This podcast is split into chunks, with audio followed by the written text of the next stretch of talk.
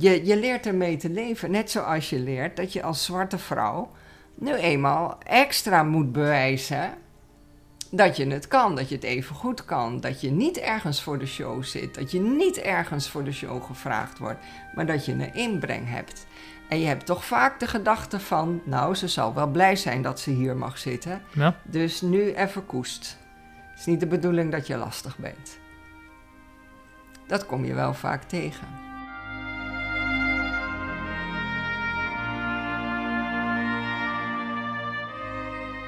Leuk dat je luistert. Ik ben Rick Timmermans en dit is een podcast van Ignis Webmagazine.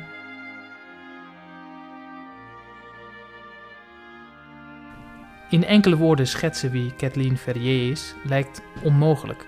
Ze werd in 1957 geboren in Suriname, bracht haar studententijd door in Leiden, waar ze Spaans en Portugees studeerde.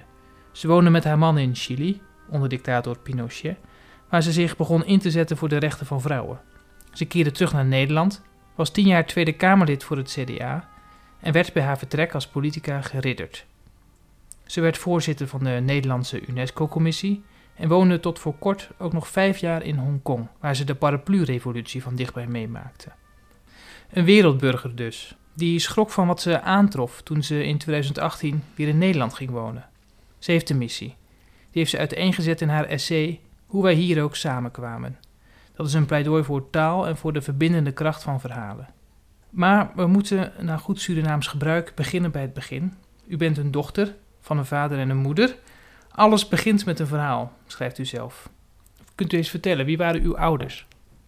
De traditionele vraag in Suriname inderdaad, wie is je vader, wie is je moeder? Ja, Mijn vader was Johan Henry Elisa Ferrier, een heel bijzondere man. Hij ehm, eh, was onderwijzer en ehm, eh, is op vrij jonge leeftijd politiek actief geworden. Hij werd ehm, de laatste gouverneur van Suriname en de eerste president. En dat is eigenlijk uniek in de wereld, want de gouverneur is natuurlijk de vertegenwoordiger van de voormalige koloniale macht. Hè. In Suriname was geen kolonie meer toen we onafhankelijk werden. Eh, en de eerste president. Dus dat is heel bijzonder en uniek en zegt iets over de persoon van mijn vader. wat zegt dat? Dat hij iemand is die eh, eh, zijn statuur krijgt door de manier waarop mensen tegen hem aankijken. En dat stijgt uit boven partijpolitieke zaken. Dat stijgt uit boven eh, verhoudingen die te maken hebben met kolonie en eh, moederland, of hoe je het wil noemen. Mhm. En die statuur komt door het, het feit dat hij onderwijzer is gebleven van, eh, tot, het, tot het eind. Hm. Net als mijn moeder, Mhm. eh, Edma, Edme Celia Vas. Eh, ook onderwijzeres in hart en nieren. Eh, in de introductie zei je heel mooi dat ik me begon in te zetten voor vrouwenrechten. Nou, die zijn me wel met de paplepel ingegoten. Mijn moeder was een onafhankelijke vrouw die op latere leeftijd getrouwd is. Omdat ze haar onafhankelijkheid niet wilde opgeven. En net als mijn vader, als zeer jong onderwijzeres in het districten in Suriname les gaf. Daar opkwam voor rechten van meisjes. Met families in gesprek ging om te voorkomen dat meisjes op jonge leeftijd uitgehuwelijkt zouden worden. En eh, die mijn zusje en mij heeft voorgehouden. Juist als vrouw, zorg dat je nooit afhankelijk bent van een man of van wie dan ook, maar dat je financieel onafhankelijk bent en blijft. Het is wel een mooi verhaal, dat, dat las ik in het essay over uw moeder. Ehm, ze, gaat dan, ze gaat inderdaad dan naar de ouders toe van, van jonge meisjes om eh, Ja. te overtuigen dat ze hun kind niet moeten uithuwelijken op jonge leeftijd. Maar op een gegeven moment neemt ze die, ontvoert ze die meisjes eigenlijk, als, ja. er, als er een huwelijk dreigt. Ja, nou, dat, dat, eh, dat verhaal vertelde ze ons. Ze heeft op een gegeven moment heeft ze, eh, een, een meisje geholpen te ontsnappen. Het meisje wilde echt niet trouwen. Die wilde gewoon naar school. Een heel Mhm. slim meisje. En mijn moeder had met de ouders gesproken en uitgelegd... laat er op zijn minst de school afmaken. Ze is te jong om te trouwen. Ze is fysiek nog niet aan een volwassen huwelijksrelatie toe... Eh, maar dat was en bleef moeilijk. En toen heeft mijn eh, moeder eh, ervoor gezorgd dat het meisje voor de trouwdag ondergedoken zat bij een, een kennis van mijn moeder in Paramaribo. Dus niet ging trouwen. En uiteindelijk is natuurlijk een heel complex verhaal. Maar uiteindelijk was de familie mijn moeder dankbaar. Omdat ze zagen dat voor de hele familie het meer voordeel opleverde dat zij haar school had afgemaakt, een goede baan kon krijgen, ook financieel de familie kon ondersteunen. Terwijl het in eerste instantie de familie er ook om te doen was, heel begrijpelijk, van als we haar uithuwelijken, Ja. hebben wij één mond minder te voeden. Ja, maar dat is toch wel, dat getuigt wel van een bepaalde moed om dan een kind weg te halen. Want die Ja, ouders wisten ook best dat uw moeder dat had gedaan natuurlijk. natuurlijk, Ja. maar ze stond ervoor. Ja, ja, Zeker, ja. Dat essay is trouwens de uitwerking van de Anton de Kom Ja, lezing. ja. maar Die daar komen, zo, daar komen zo, nee, daar komen we zo nog op. Ja. Excuus. ja, want ik wil nog even naar uw naam. Kathleen Ferrier. Het is eh, veel, veel oudere luisteraars. En we hebben ook veel luisteraars in Vlaanderen. Dus die kennen u niet vanuit de politiek. Die denken dan meteen aan een, eh, ja. aan een zangeres. Aan een zangeres. Nou, ik, eh, ik ben inderdaad heel bewust genoemd naar de beroemde zangeres Kathleen Ferrier. Mijn ouders hebben haar persoonlijk ontmoet, waren een groot fan van haar. En ik meen in 1951 trad zij op in het concertgebouw in Amsterdam. En mijn ouders waren daarbij.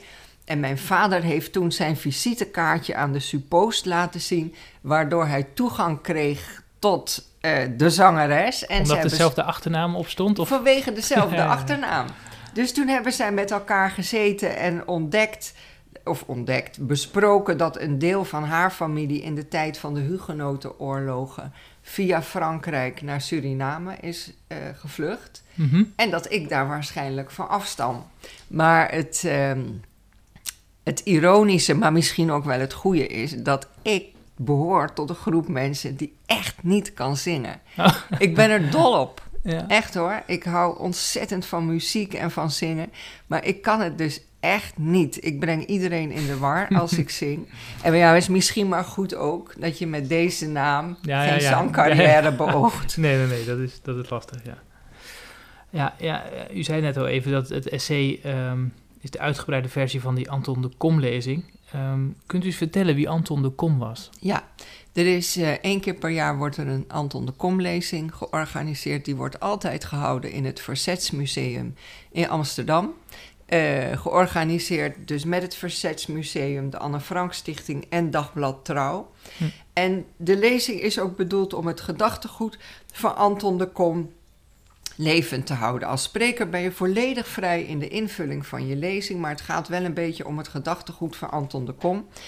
Anton de Kom was een Surinaamse man. Hij is gelukkig vorig jaar toegevoegd aan de kanon van Nederland. Dus als een van de belangrijke elementen in de geschiedenis van Nederland om te, te komen tot wat Nederland nu is. En zijn boek Wij Slaven van Suriname stond vorig jaar op de bestsellerlijst Ja. in Nederland. Anton de Kom heeft eh, verzet gevoerd als een van de eerste ehm, in het begin van de vorige eeuw tegen de Nederlandse koloniale macht en alle onrecht die vanuit die Nederlandse koloniale macht richting de voormalige slaven, richting de voormalige contractarbeiders eh, plaatsvond. Hij eh, opende zijn mond en wat hij deed is, hij vertelde het verhaal van de slavernij, dat op zich een bekend verhaal is, maar hij vertelde het vanuit het perspectief van de slaven. En dat liet een heel nieuw licht schijnen op die geschiedenis. Een verhaal van empowerment voor de mensen, de nazaten van de tot slaaf gemaakte. Hij kwam ook op voor de rechten van contractarbeiders, want misschien weet u dat toen de slavernij in eh, 1863 werd verboden en tien jaar later officieel werd afgeschaft, lag daar natuurlijk een probleem in de plantage-economie van Suriname, want er waren geen arbeiders meer. Ja. Toen heeft men mensen uit India, uit China, uit Indonesië, uit het Midden-Oosten naar Suriname gehaald om op de plantages te werken. Daardoor is de huidige Surinaamse samenleving zo multi-etnisch en multireligieus. Maar die mensen zijn vaak onder valse voorwendselen met complexe contracten naar Suriname gehaald. En Anton de Kom stond deze mensen bij. Hij was dus een doorn in het oog van de Surinaamse overheid. En die hebben hem op een gegeven moment, eh, na een hele bloedige opstand, op een boot gezet richting Nederland. En in Nederland is hij het verzet ingegaan. Dus is hij met de Nederlanders in verzet gegaan in de Tweede Wereldoorlog tegen de Duitsers. En dat uh, is ook zijn einde geweest. Hij is in een concentratiekamp omgekomen. Dus eerst, eerst kwam hij in verzet tegen de Nederlandse overheersing eigenlijk? Of, Ja. of nou ja, ja. Ja, En, en later in Nederland kwam die Met de de, Nederlanders op tegen de Ja. overheersing van Ja. Duitsland. en dan zie je dus dat hij iemand is die eh, op grond van de context altijd opkomt voor mensenrechten en menselijke waardigheid. Ja. En dat geeft hem belang. En wat ik zelf heel bijzonder vind, is dat hij dus de eerste is geweest die die geschiedenis, de gemeenschappelijke geschiedenis, de gedeelde geschiedenis van Suriname en Nederland vanuit een ander perspectief beschreven heeft. En dat je ziet wat de meerwaarde daarvan is. Een gebeurtenis heeft altijd meerdere facetten Mhm. meerdere dimensies, meerdere manieren om er tegenaan te kijken. En door Anton de Kom word je ervan bewust dat je al die manieren moet betrekken voordat je een oordeel kunt geven. Nou, nu kunnen we natuurlijk wel meerdere getuigenissen of, geval- of romans ook lezen over hoe het was als, als, als slaaf op een plantage. Of er zijn ook eh, hele mooie films over gemaakt. Maar Anton de Kom, die, in zijn boek was dat dan een van de eerste die dat perspectief...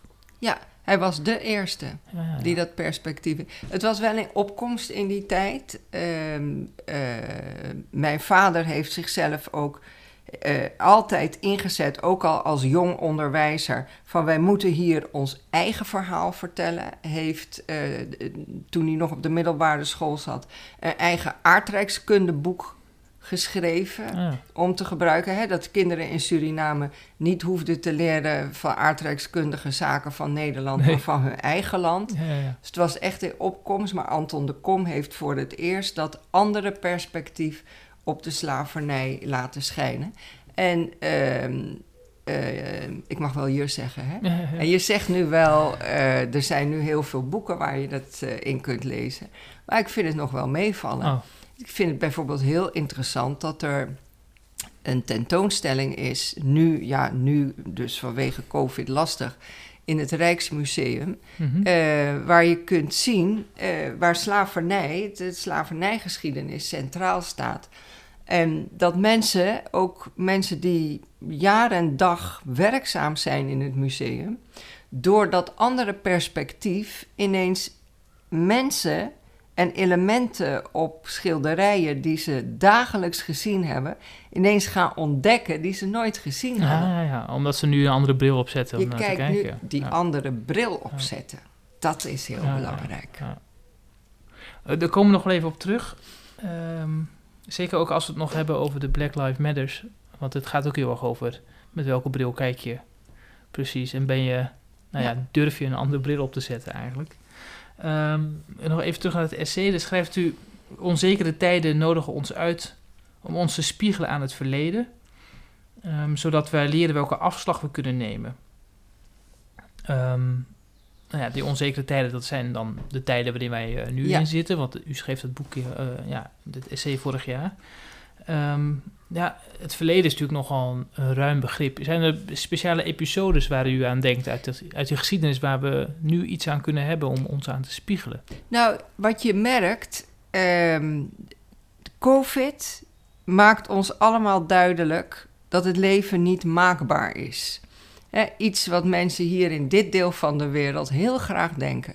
Het leven is maakbaar. Mhm. Ik kan alle risico's buitensluiten, ik kan dat regelen, ik kan dat voorkomen, ik kan mijn leven plannen zoals ik het wil. Ja, en te- tegen de rest kun je je verzekeren. En tegen de rest kan je verzekeren, dus wat is het probleem? Terwijl als je in landen gewoond hebt waar er eh, aardbevingen zijn, overstromingen, politieke druk, weet je dat het leven helemaal niet maakbaar is.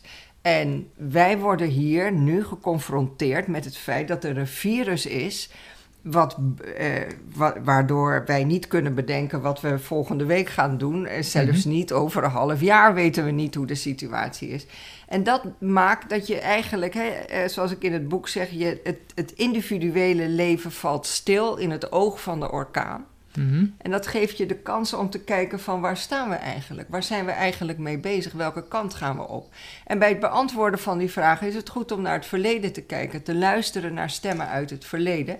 Ik vind Anton de Kom natuurlijk een hele mooie stem.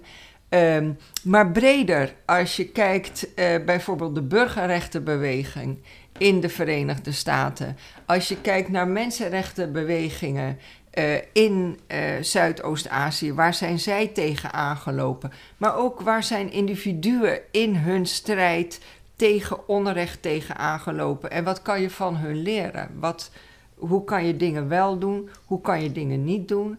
Nou, als je daarbij stilstaat, in ieder geval voor mij, kwam als belangrijk eh, leerpunt naar voren dat je dus verschillende perspectieven moet betrekken en dat je ehm, je ervan bewust moet zijn hoezeer jouw eigen achtergrond bepaalt hoe je luistert en kijkt naar wat er om je heen gebeurt. Dus inderdaad af en toe die bril afzetten en je verplaatsen in een ander. Dat empathisch vermogen, Mhm. wat we zo vaak zijn kwijtgeraakt. En daar speelt taal een belangrijke rol bij. Maar hoe helpt dat ons dan op dit moment, met, met, nu we in deze crisis zitten? Deze crisis leert, wat deze crisis ons laat zien, zijn alle zwakke plekken in het weefsel van onze menselijke samenlevingen. Dat is nationaal. Het wordt nu duidelijk, bijvoorbeeld in het onderwijs, welke kinderen Mhm. in een thuissituatie zitten waarin ze geen toegang hebben tot internet, geen toegang hebben tot een rustige plek, of misschien nog veel erger, überhaupt geen veilig thuis hebben. Wat onbekend was, dat wordt nu bekend. En we zien nu ook eh, tussen landen en tussen continenten de enorme ongelijkheid die er is. En voor mij persoonlijk is de les van COVID hoe ernstig die ongelijkheid is. Hoe ernstig het is dat er ehm, zulke verschillende eh, mogelijkheden zijn om je talenten te ontwikkelen. Hoezeer er groepen mensen en landen en continenten buitengesloten worden. En hoe fout dat is, omdat tegelijkertijd COVID ons ook leert dat de uitdagingen waar we als ehm, mensen, als mensheid vandaag de dag voor staan, zo complex en groot zijn dat we het dat we alleen met input van alles en iedereen, alle creativiteit, tot oplossingen kunnen komen. Dat is voor mij de les van COVID. Ja, het, wat, ik even aan moet denken is, ja, die, een van die termen die ook eh, veel voorkomt eh, in, eh, ja, in het taalgebruik rondom die coronacrisis, is dat we overal bubbels creëren. Dus je Ja. creëert een bubbel van topsporters, zodat ze gewoon hun gang kunnen gaan en nou ja, et cetera. Maar ehm, ja, u, als ik u goed beluister, dan kunnen we eigenlijk helemaal niet meer in zo'n... Ja, die bubbels moeten we eigenlijk zien te doorbreken. Ja, absoluut. Ehm, die bubbels die voorkomen. Kijk, je ziet het ook op social media. Hè? Mensen zitten op internet, op Twitter, op Facebook, op Insta, noem maar op. En daar zitten ze met allemaal gelijkgestemden. Mhm. En dat is hun wereld. Iedereen bevestigt wat ze denken. En je denkt dat is de werkelijkheid. Ja.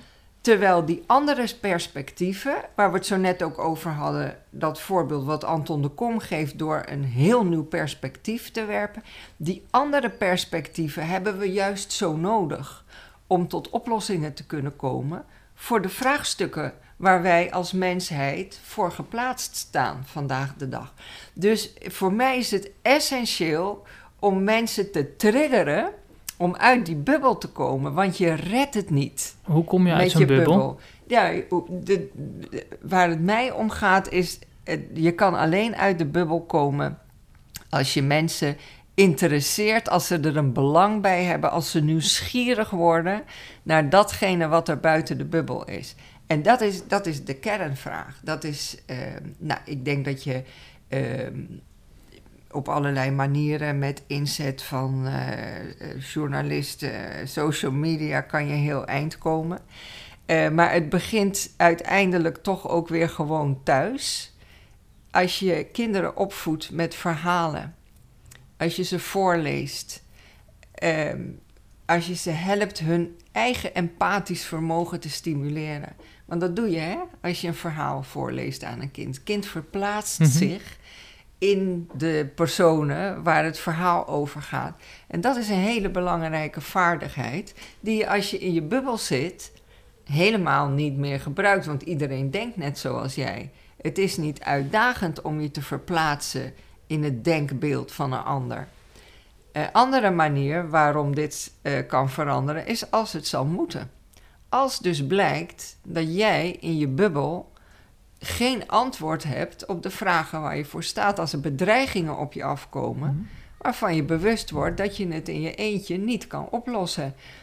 Als je kijkt naar onze Nederlandse samenleving met enorme tekorten, als het gaat aan, om handen aan het bed, als het gaat om mensen in het onderwijs, dan is het voor mij duidelijk dat we mensen van, ook van buiten Nederland heel hard nodig zullen houden, hebben om ons welvaartsniveau, om onze standaarden wat betreft zorg, wat betreft onderwijs, op peil te houden. En dat betekent dus dat je je ervoor open moet stellen dat mensen met andere ideeën, andere manieren van uh, geloven, andere culturen, deel uit gaan maken van deze samenleving, omdat je hun inzet nodig hebt. Het is eigenlijk nu ook al zo. De, de, de, de mensen uh, aan het bed van zieken en stervenden zijn heel vaak migranten. Ja, er wordt er vooral op rechts denk ik veel gezegd dat het, die multiculturele samenleving eigenlijk mislukt is. Maar we kunnen eigenlijk ook kijken naar Suriname, waarin het een heel bijzonder land is, waarin eigenlijk zo ontzettend ja. veel verschillende um, ja, mensen samenleven vanuit ja. allerlei verschillende culturen. Ja, wordt mij ook vaak gevraagd: wat is het geheim van Suriname? Hoe is het mogelijk dat in Suriname op één terrein, pal naast elkaar, een synagoge en een moskee staan? En ik kan je vertellen, ze staan niet toevallig daar. Ze, ze, ze hebben ook, ook goede interactie. Ja, er is ook dialoog. Er is dialoog en ze helpen elkaar als je de een stoelen nodig heeft voor een bijeenkomst of weet ik wat, ik noem maar wat. Hè, um, er is dialoog op een hele natuurlijke manier. Um, dan is mijn antwoord, er is geen groot geheim. Wat er wel is, is het besef dat je elkaar nodig hebt. Want toen die plantage-economie dus was ingestort uh, uh, bleef de samenleving daar dus achter met mensen uit alle delen van de wereld. De oorspronkelijke bevolking, de Indianen, de Europeanen, hè, Fransen, Britten, Nederlanders die daar allemaal gezeten hadden. De nazaten van de tot slaafgemaakte, de nazaten van de contractarbeiders uit India, Indonesië, China, Midden-Oosten, noem het maar op. Europa ook, Nederlandse boeren. En die moesten één samenleving vormen. Maar daar wist men, we hebben elkaar nodig. Mm-hmm. Alleen redden we het niet. Dus je wist dat je moest samenwerken. En als je kijkt bijvoorbeeld naar de Nederlandse samenleving, dan heerst er nog altijd de gedachte dat er een norm is. Leitcultuur wordt het ook wel eens genoemd. Dit is de norm waaraan anderen zich moeten aanpassen. En zo werkt het niet. Het werkt als je het besef hebt, we hebben elkaar nodig. Wij wonen allemaal hier in dit land, hoe wij hier ook samenkwamen. Mm-hmm. We hebben iets met elkaar. We hebben een opdracht, namelijk dit land opbouwen, een toekomst voor onze kinderen. En uh, de boodschap daarbij is dat uh, de mensen in de geprivilegeerde posities, die denken dat zij de norm zijn, mm-hmm dat ze wit zijn, dat ze man zijn, dat ze heteroseksueel zijn, dat ze fysiek onbeperkt zijn. Hè? Dat ze leren zien dat zij niet de norm zijn, maar dat ook anderen van belang zijn voor de toekomst van het land en de oplossing van de uitdagingen, problemen waar we nu voor staan. Is dan niet een hele grote drempel die nog genomen moet worden, is dat Het, het beeld dat u net schetst, nou, ik kan mezelf daarom goed herkennen. Um, het is niet dat, persoonlijk. Nee, nee, nee, ik, zie dat ook niet per se persoonlijk, maar dat er een soort superioriteitsgevoel ook heerst binnen, Ja. die, binnen die groep. Dat, dat- dat wij het uiteindelijk wel beter weten voor de rest. Dat is enorm sterk en op allerlei niveaus. Dat superioriteitsgevoel dat uitgaat van de gedachte uiteindelijk zal iedereen zo willen worden Ja. zoals ik ben. Ja, En dat zal vanzelf gaan. Niets is minder waar. En als je kijkt naar Nederland, dan zie je ook in het verleden dat dat de gedachte van de politiek was. Toen contractarbeiders naar Nederland kwamen in de jaren 60, 70. Dat men dacht van, weet je, laat ze lekker Mhm. bij elkaar zitten. Hè? eh, we bemoeien ons niet met deze mensen. Na verloop van tijd zullen ze wel zien hoe fantastisch onze moderniteit is. En zullen ze net zo willen worden als wij. Dat gaat vanzelf, want nu eenmaal. Ja. Kijk hoe fantastisch wij zijn. Wie zou niet zo willen worden als wij? Het is helemaal niet gebeurd. Mensen zijn zich verbonden blijven voelen met hun landen van herkomst. Met satellieten hadden helemaal niet de bedoeling om net zo te worden als eh, mensen hier niet hun religie achterlaten, niet hun manier van kleden eh, opzij schuiven. Het is niet gebeurd. Het grappige is, zoals je zei, ik heb een aantal jaar in, eh, vijf jaar in Hongkong gewoond en veel gereisd in de regio, ook in China. Ik heb met verbazing, luister je dan naar mensen hier die een beeld hebben dat het autoritaire China, dat als daar een middenklasse gaat ontstaan, dat, eh, en mensen gaan hun kinderen naar het buitenland sturen om te studeren, naar Ja. Canada, naar Australië, naar Europa. Dat als die kinderen dan terugkomen naar China, dat ze ook democratie willen. Dat ook zij uiteindelijk net zo willen worden als wij hier, democratische, liberale landen. Gaat niet gebeuren. Die studenten komen terug en die stappen zo weer in het autoritaire systeem. Integendeel, wat je nu ziet gebeuren, Hm. is dat landen als China de wereld laten zien van eh, eh, hoezo democratie een eh, wenselijke bestuursvorm. Kijk eens wat er in de Verenigde Staten gebeurt. Jullie kiezen Trump. Kijk eens wat er op 6 januari gebeurt. Is dat democratie? Ja. Kan je beter een systeem hebben zoals wij? Ja. Ja, eh, over China komen we ook nog wel even te sprake, eh, denk ik. eh, tenminste, als de tijd dat toestaat. Want eh, ja, u heeft natuurlijk in die regio gewoond. En eh, u vindt volgens mij dat wij een beetje naïef kijken naar, eh, naar de Absoluut. opkomst en de, de dromen van China. En die naïviteit komt precies weer uit datzelfde superioriteitsgevoel. Zo van, eh, nou, uiteindelijk hebben wij het wereldwijd wel voor het zeggen. Dat is echt niet zo. Nee, ja, laten we er toch maar even op doorgaan. Want eh, China, zegt u ook in het essay, heeft eigenlijk ook alles in zich om een echte wereldmacht te worden. En dat komt door het verhaal wat eh, Xi Jinping Ja, te vertellen heeft. En ook met, met veel vuur en overtuiging. en misschien ook wel met bepaalde druk. Eh, nou, toch vooral met, met overtuiging, aanhakend op de eeuwenoude cultuur van China.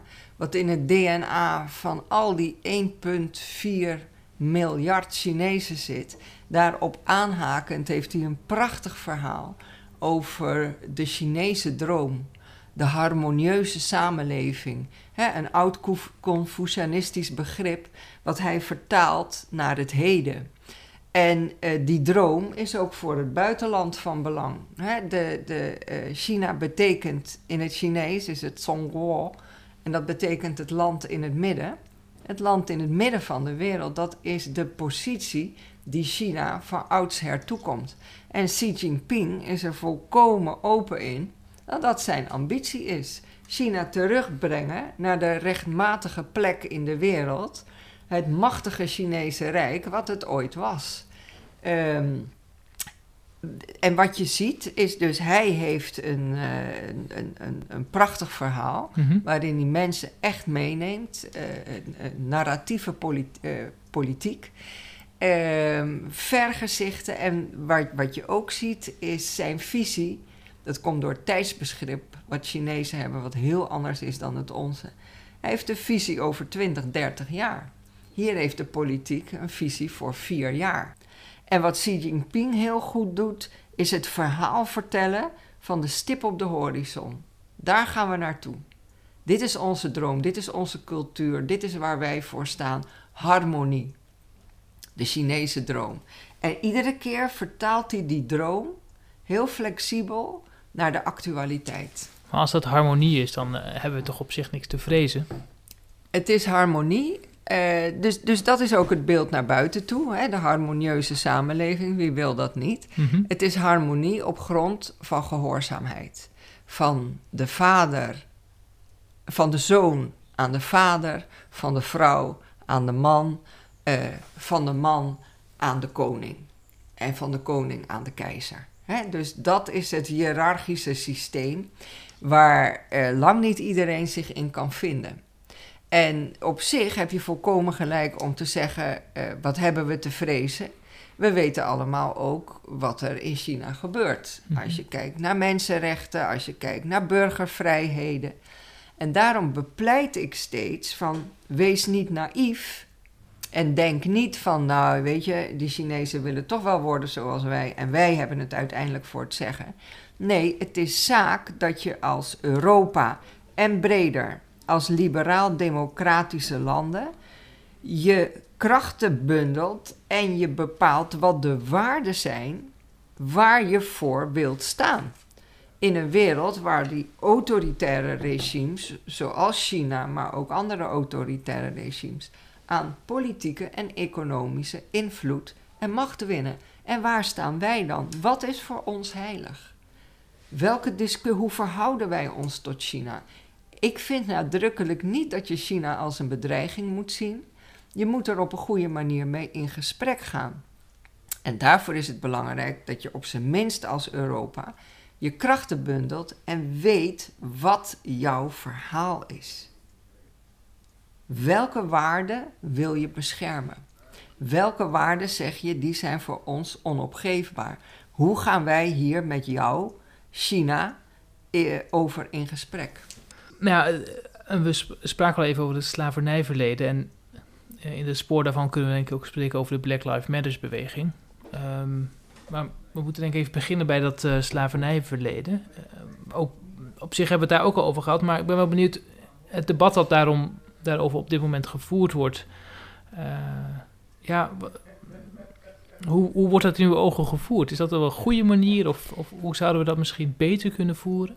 Nou, wat ik ehm, jammer vind, is dat je vaak ziet dat dit soort moeilijke discussies tot eigenlijk voor heel kort vooral gevoerd werden vanuit extreme standpunten. En ik had het idee, bijvoorbeeld als je het over Zwarte Piet hebt, Ja. dat men nam extreme standpunten in en men roept naar elkaar en men luistert niet echt.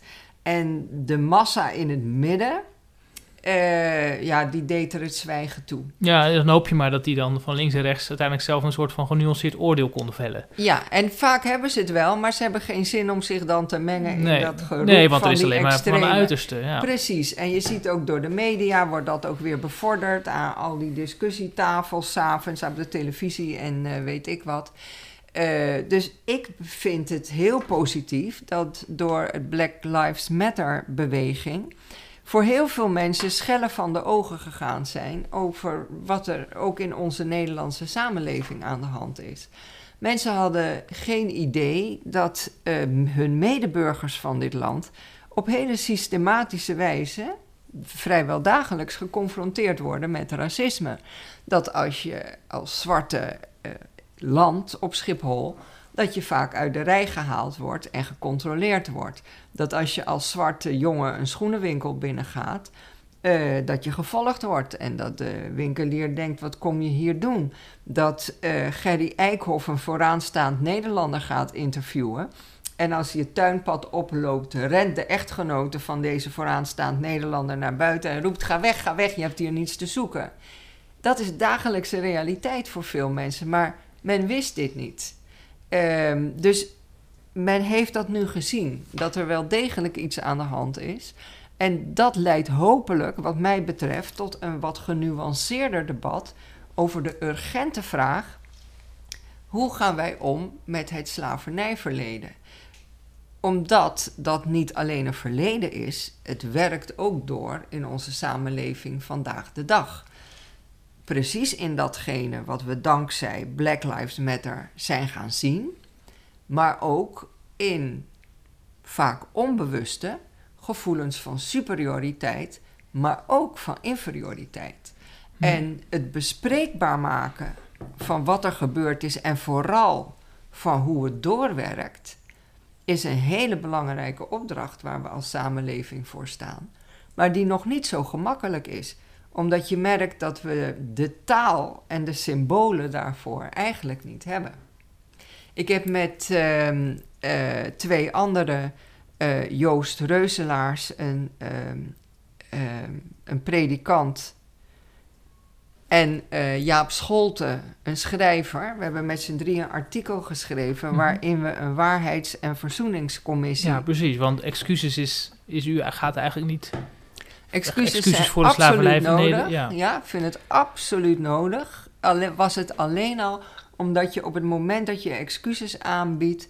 ehm, je zelf een stapje achteruit zet... en je de ander op de voorgrond plaatst. Dat vind ik heel belangrijk... Maar ik ben ervoor beducht dat dat het enige wordt. Ja, ja, u wil eigenlijk een stapje verder zetten met die waarheidscommissie. precies. Eh, Naar het voorbeeld van Desmond Tutu. Precies. Waar het, want bij die Waarheids- en Verzoeningscommissie gaat het erom alle verhalen te vertellen. Die, voor, die ook vast te leggen als een soort van eh, document. Ik ben voorzitter van de Nederlandse UNESCO-commissie. En daar hebben we de Memory of the World. Belangrijke documenten die onze wereld geschapen hebben. Mhm. Nou, zo'n soort document opgenomen via YouTube of weet ik wat. Waarvan je ook een selectie op de televisie zou kunnen laten zien. Om uiteindelijk onder ogen te komen hoe dat verleden doorwerkt. En om taal te vinden, symbolen te vinden, rituelen te vinden. Op grond waarvan we echt aan die gedeelde toekomst kunnen werken. Ja, en, en die verhalen zijn belangrijk. Eh, Misschien kunt u iets van uw eigen verhaal dan delen. Want, ja, misschien bent u wel eens, dat weet ik niet, bij een vliegveld eruit gehaald. Altijd. Ah ja, Nou, hier op Schiphol. eh, Nee, dat was wel grappig, want. eh, nou, hier op Schiphol natuurlijk ook. Maar eh, altijd als ik naar het Verenigd Koninkrijk ga, word ik altijd uit de rij gehaald. En ik reisde een keer met een Nederlandse collega en ik zei tegen hem: eh, van moet je opletten. Als we straks in de rij staan, word ik eruit gehaald. Oh, daar geloofde er helemaal niks van. Ja. Dat is allemaal onzin. Mhm. En ja hoor. Eh, nee, dus weet je, dat, dat, dat is. Ik bedoel, het is ook niet erg. Het is een deel van je leven. Je groeit ermee op. Het is nooit anders geweest. nou, u hoeft toch niet te zeggen dat het niet erg is? Ja, ik bedoel, eh, ja, de- de- op zich is het erg, maar ik bedoel, ik voel me er niet een slachtoffer door. Het is een fact of life. Het is een, een- een deel van mijn leven. Het is inderdaad, ik kan niet zeggen dat het niet erg is. Het is wel erg dat het gebeurt. Maar ehm, je, je leert ermee te leven. Net zoals je leert dat je als zwarte vrouw nu eenmaal extra moet bewijzen dat je het kan, dat je het even goed kan, dat je niet ergens voor de show zit, dat je niet ergens voor de show gevraagd wordt, maar dat je een inbreng hebt. En je hebt toch vaak de gedachte van, nou, ze zal wel blij zijn dat ze hier mag zitten, Ja? dus nu even koest. Het is niet de bedoeling dat je lastig bent. Dat kom je wel vaak tegen. Ja. Ja, En, want het is toch, eh, hè, die Black Lives Matters, inderdaad. Ja, ik zit een beetje te zoeken. We hebben, wat we nodig hebben is volgens mij vooral echt oprechte nieuwsgierigheid naar. ja naar dat is precies. Nou, dat is precies. Hè, dat, is, dat staat ook. eh, dat is ook de ondertitel. Een pleidooi voor nieuwsgierigheid, onder andere. Eh, want dat, dat was echt een van de eerste dingen die mij opviel toen ik hier weer terugkwam na vijf jaar Hongkong. Dat was in 2018. Kijk, Nederland is altijd een verzuilde samenleving geweest. Ja. Dat was ook zo toen ik in de Kamer zat. Dat was zo toen ik met christelijke migrantengemeenschappen werkte als algemeen secretaris van Skin. Maar je merkte dat er een wens was om één samenleving te zijn. Men deed zijn best. Hoe, hoe vinden we elkaar? Ook in de tijd van de verzuilde samenleving was er altijd wel contact tussen de zuilen. Maar nu zag ik dat dat contact veel minder was. Inderdaad, hè, zoals je zelf zegt, bubbels. En niet meer de wens om te weten wat er in een andere bubbel gebeurt. Niet meer de nieuwsgierigheid van wat denk jij nou? Hoe sta jij in het leven? Waar kom jij vandaan? Wie is je vader? Wie is je moeder? Wie, wat is jouw achtergrond? Wie ben jij? En die belangstelling, die zie ik veel minder. En, en ja, daar gaat het in wezen om. Hoe krijg je die nieuwsgierigheid terug in de medemens? En ik denk dus dat uh, die nieuwsgierigheid terug kan komen op het moment dat je beseft dat je die medemens nodig hebt. En dat moment is er hier nog steeds niet, omdat men nog steeds denkt dat Europa superieur is, uh, dat Nederland uiteindelijk uh, de norm gesteld wordt door de mensen in de geprivilegeerde positie. En uh, ja, dus uh, er kan een moment komen dat men inziet, ja, hier redden we het niet mee. We hebben toch echt anderen nodig. Hm. Ja, u zegt wel een paar keer zelfs in het boekje, we staan op een scharnierpunt. Ja. Is dat een uh, hoop of is dat... Nee. Ik, ik, kunt u dat staven met concrete... Ja. Met, met feiten? Nou, de, de, dat constateerde ik toen ik de lezing hield in 2019. Um, ik zei dat toen vooral omdat ik vanuit uh, China kijkend naar de rest van de wereld, de ontwikkelingen toen in de Verenigde Staten, uh, in het Verenigd Koninkrijk, Verenigde Staten met Trump, Verenigd Koninkrijk met Brexit, dat je ziet dat uh, de geïndustrialiseerde wereld, zoals we die lange tijd gekend hebben en met alle voordelen die de industrie ons gebracht heeft, dat die tijd is uitgewerkt. En dat zie je omdat de motoren achter die industriële tijd, het Verenigd Koninkrijk en uh, de Verenigde Staten, duidelijk uh, zichtbaar maken dat ze in verval zijn. De motoren doen het niet meer. Er moet iets nieuws komen, een nieuwe wereldorde, een nieuwe manier van je organiseren. En tegelijkertijd zag ik wat er in China gebeurde. De mm -hmm. assertiviteit van China, gebaseerd op een eeuwenoude cultuur. Hoe die wordt ingezet. Hoe er allerlei plannen al lang zijn uitgerold over Europa tot in Afrika. De politieke, de financiële, de economische invloed van China, die hier al lang is en die men niet ziet. Hm. Dus je ziet dat er heel veel aan het veranderen is. En dat maakte toen al dat ik zei: we staan op een scharnierpunt. Het industriële tijdperk is voorbij. Maar wat komt er voor in de plaats? Hoe gaan we onze samenlevingen organiseren? Nationaal en ook internationaal. Welke krachten gaan we bundelen? Waar willen we naartoe? Dit is het moment om daarover na te kijken. Nou, over na te denken. Nou, en dan komt in 2020 COVID, die dit alles nog eens extra benadrukt wat mij betreft. Hè, dat je ziet dat we wereldwijd verbonden zijn. Mhm. Het virus maakt natuurlijk geen onderscheid in etniciteit, Nee. gender of wat dan ook. We Mhm. zijn allemaal gelijk, allemaal even kwetsbaar, behalve het onderscheid wordt gemaakt wat betreft de kwetsbaarheid door de ongelijkheid die er is. Dus we hebben het op een presenteerblaadje gekregen.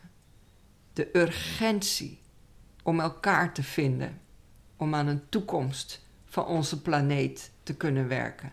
We weten ook allemaal waar het virus vandaan komt. Door de- ik bedoel niet China, zeker niet. Ik bedoel de manier Mhm. waarop we met de planeet omgaan. Hè, ehm, de klimaatverandering. eh, eh, het veronachtzamen van het welzijn van dieren. Al die zaken leiden tot de situatie waar we nu in staan. En we weten dat het antwoord is: alleen in gezamenlijkheid kunnen we dit soort grote uitdagingen oppakken. En we doen precies het tegenovergestelde. Ja, want dat wou ik eigenlijk vragen. Bent u dan hoopvol? Nou, wat je ziet gebeuren is toch weer. eh, neem alleen al het hele vaccinbeleid. Mhm. Is toch weer denken vanuit eigen mensen eerst, eigen land eerst. America first, Europe first. Wij eerst onze vaccins. En dan pas denken we aan Afrika en andere landen.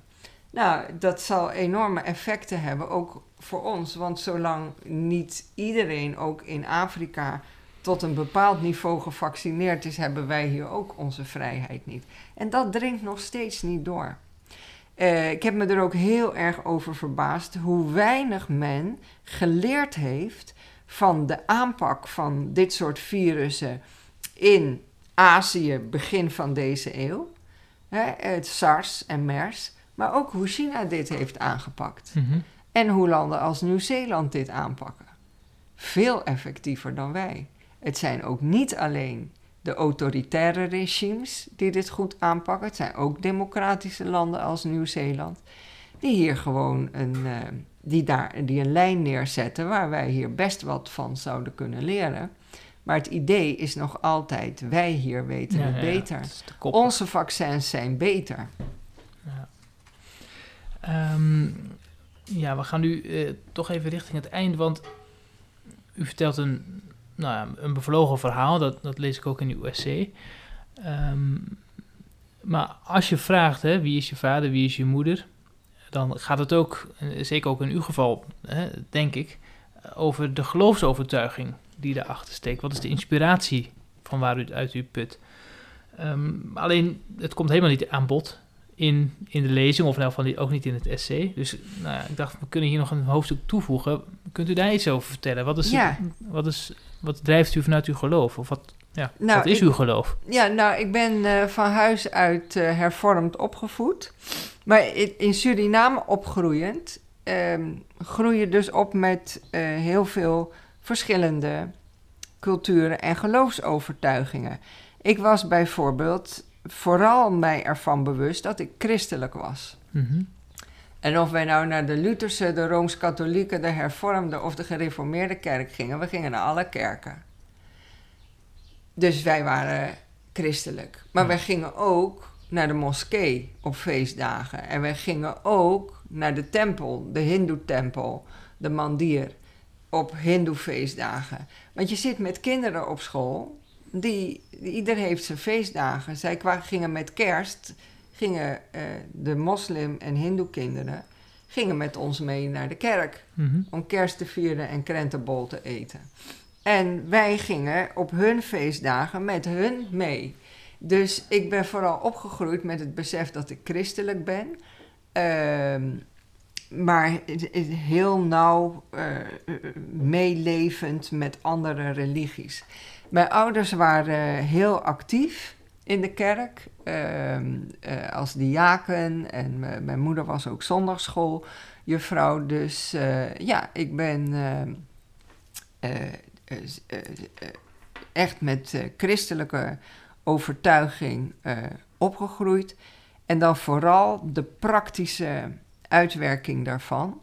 Met name, met name het besef dat je niet alleen bent. Dat God jouw medemensen gegeven heeft. En of die nou dichtbij of ver weg zijn, ieder mens in de wereld is een geschenk van God voor jou. En eh, je hebt een verantwoordelijkheid jegens die ander. Niet als een zware last waar je onder gebukt gaat, maar als een prachtig geschenk. Om uit ieder mens, dichtbij of ver weg, het beste te halen.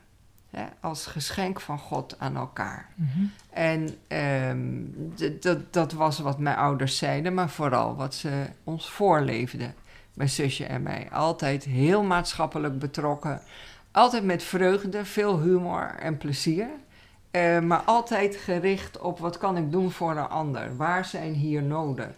Ehm, ehm, mijn moeder bijvoorbeeld heeft zich ook later bijvoorbeeld heel erg ingezet voor ehm, dat mensen met eh, eh, lepra, zoals dat vroeger heette, de Hansen-patiënten, die vroeger opzij werden gezet, niet in de stad konden wonen in Paramaribo, mogelijk gemaakt dat die eh, geïntegreerd werden weer in het reguliere leven en niet apart gezet ver weg, maar ook eh, een vak leerden zodat ze inkomen hadden en zelfstandig konden zijn, niet afhankelijk van anderen.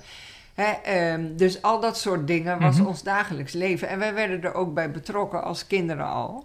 En ik denk dat dat vooral eh, ons is voorgeleefd. Ehm, los van de liederen die vaak bij ons thuis gezongen werden. Tel je zegeningen. Eh, wat de toekomst brengen mogen. Maar op een gegeven moment dan, eh, u zegt daar ben ik mee opgevoed, opgegroeid. En op een gegeven moment dan, nou, dan word je 20, 25, 30. Nou, ergens ga je toch een keuze ook maken van, eh, tenminste, je komt toch waarschijnlijk, tenminste, hè, ik kan het niet helemaal invullen natuurlijk voor, voor u, maar je komt op het moment van, ja, wat geloof ik hiervan? Ja. Hoe, hoe, is dat bij u gegaan? Nou, heel, heel uh, vanzelfsprekend is het geloof voor mij altijd een hele belangrijke inspiratiebron geweest voor datgene wat ik doe, wat ik belangrijk vind. Het opkomen voor gelijkwaardigheid, voor mensenrechten, voor burgerrechten. Ehm, eh, als een soort van zelfsprekendheid. Ik heb nooit een, een, een conflict gehad van uh, ben ik wel gelovig? Nee, ik ben gelovig. Van nature ben ik gelovig.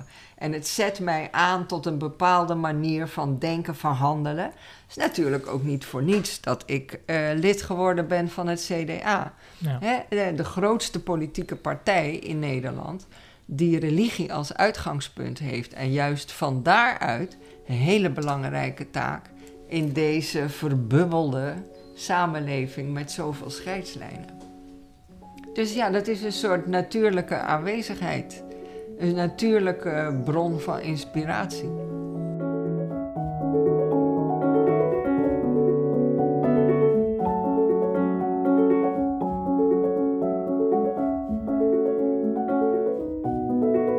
Heb je genoten van dit gesprek?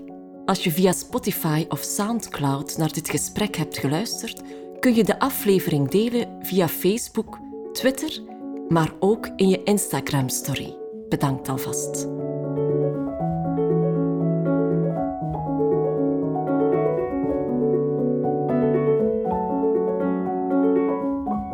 Op zoek naar meer verdieping en inspiratie? Vind onze essays, meditaties, columns, interviews, video's en podcasts op www.igniswebmagazine.nl.